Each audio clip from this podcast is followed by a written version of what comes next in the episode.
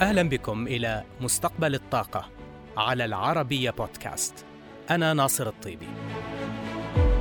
نسعى في هذا البرنامج إلى المساهمة في الحوار الدائر حول عملية التحول في مجال الطاقة عالمياً نحو مستقبل خال من الانبعاثات يضمن أمن المناخ وأمن الطاقة.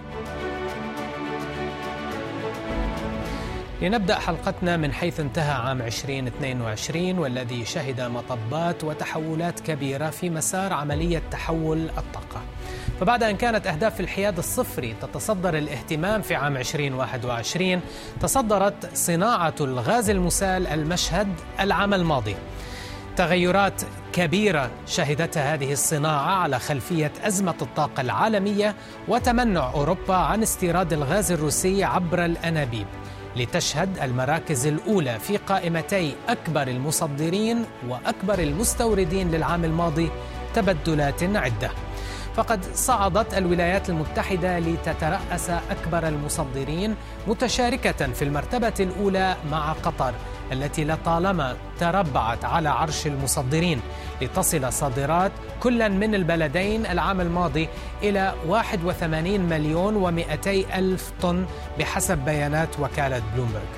وبالرغم من أن زيادة صادرات عام 2022 بالنسبة لقطر لم تكن كبيرة إلا أنها كانت كذلك وأكثر بالنسبة للولايات المتحدة التي بدأت لأول مرة تصدير الغاز المسال عام 2016 كنتيجة مباشرة لثورة الغاز الصخري التي انطلقت عام 2005 ثورة تقنية صاحبتها مليارات الدولارات من الاستثمارات في محطات التسييل حولت الولايات المتحدة من صافي مستورد إلى صافي مصدر للغاز المسال لتصبح أمريكا بموجب ذلك قوة عظمى في صناعة الغاز العالمية.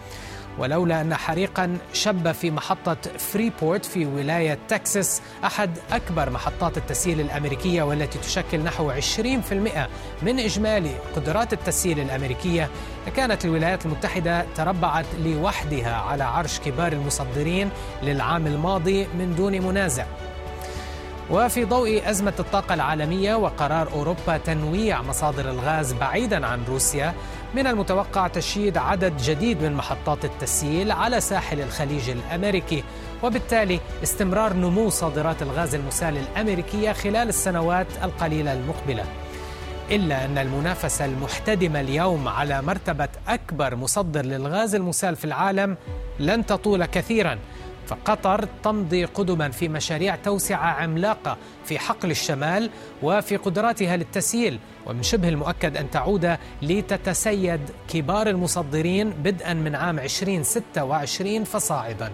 لتبقى أستراليا في المرتبة الثالثة خلال الفترة المقبلة التي ستشهد تنافسا امريكيا قطريا على رأس القائمة. وقد طالت تغيرات عام 2022 لائحة كبار مستوردي الغاز المسال أيضا حيث عادت اليابان لتحتل المرتبة الأولى بعد أن فقدت هذا المركز عام 2021 لصالح الصين. لتستعيد اليابان بذلك الصدارة التي احتفظت بها لسنوات طويلة. لكن ما زالت وكالة الطاقة الدولية تتوقع عودة الصين لانتزاع المركز الأول كأكبر مستورد للغاز المسال في العالم ابتداء من العام الحالي في ضوء تخارج الصين من سياسات قيود الجائحة التي أضعفت الطلب الصيني العام الماضي. الجدير بالذكر أن الصين بدأت استيراد الغاز المسال لأول مرة عام 2006 ثم أصبحت ثاني أكبر مستورد للغاز المسال متجاوزة كوريا الجنوبية عام 2017 لتصبح بعد ذلك عام 2021 أكبر مستورد للغاز المسال متجاوزة في حينها اليابان التي كانت قد تربعت على عرش المستوردين لعقود مضت.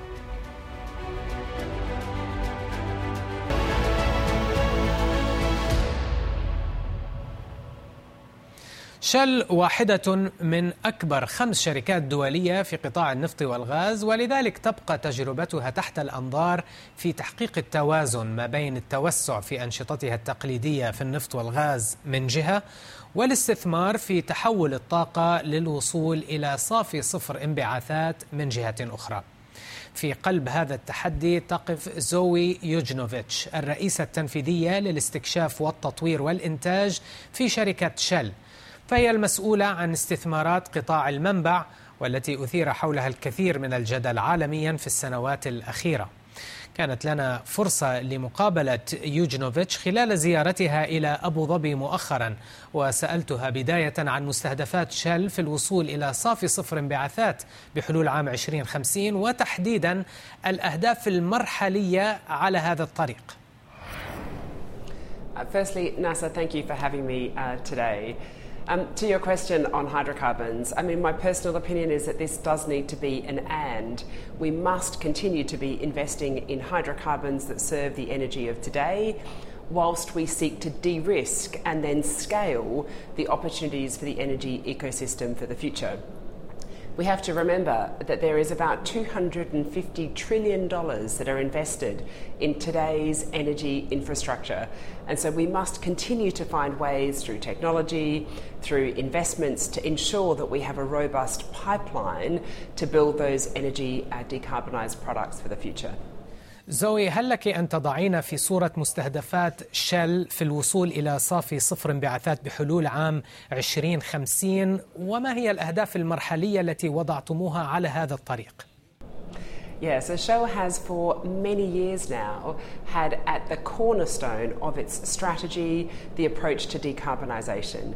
A big part of this is firstly accepting that there is a, a, need for us to ensure that we can comply with the Paris goal of one and a half degrees.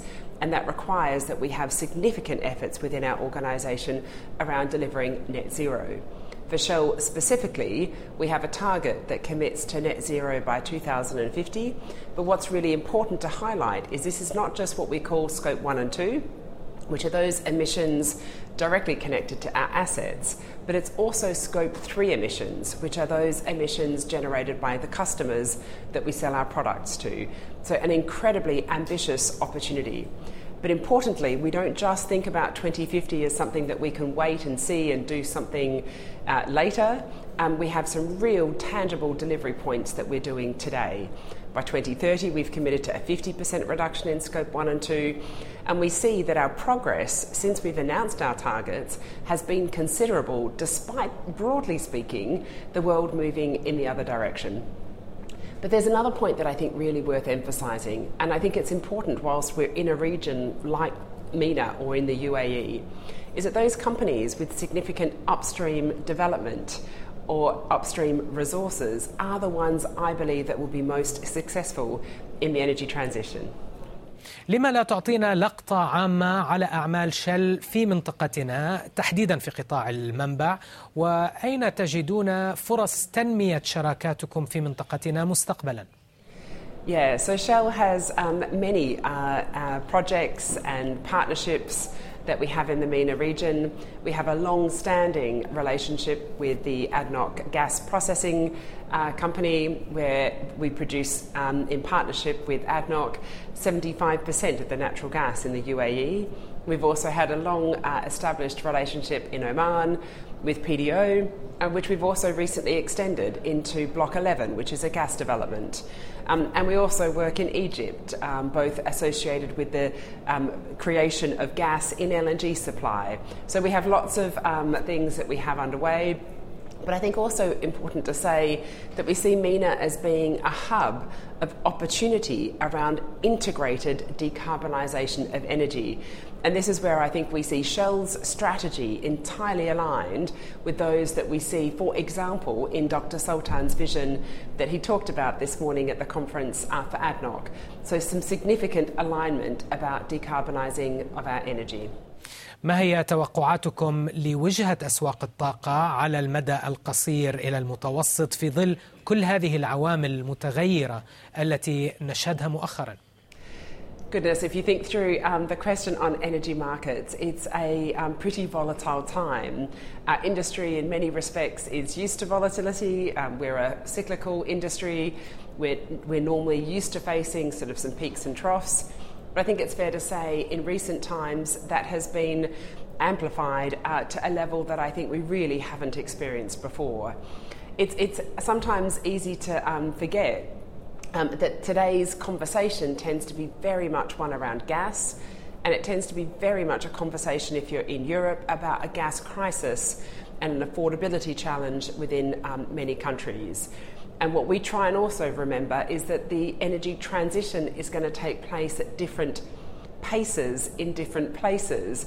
And so we work um, in investments in Malaysia or Brazil um, or in Oman or UAE, um, recognizing that there is a different curve through which these markets are, are, naturally going to follow. But a volatile time, I think it's fair to say we're in for significant volatility to come as well. بهذا نصل إلى نهاية حلقتنا لهذا الأسبوع. نلقاكم الأسبوع المقبل في حلقة جديدة من مستقبل الطاقة على العربية بودكاست.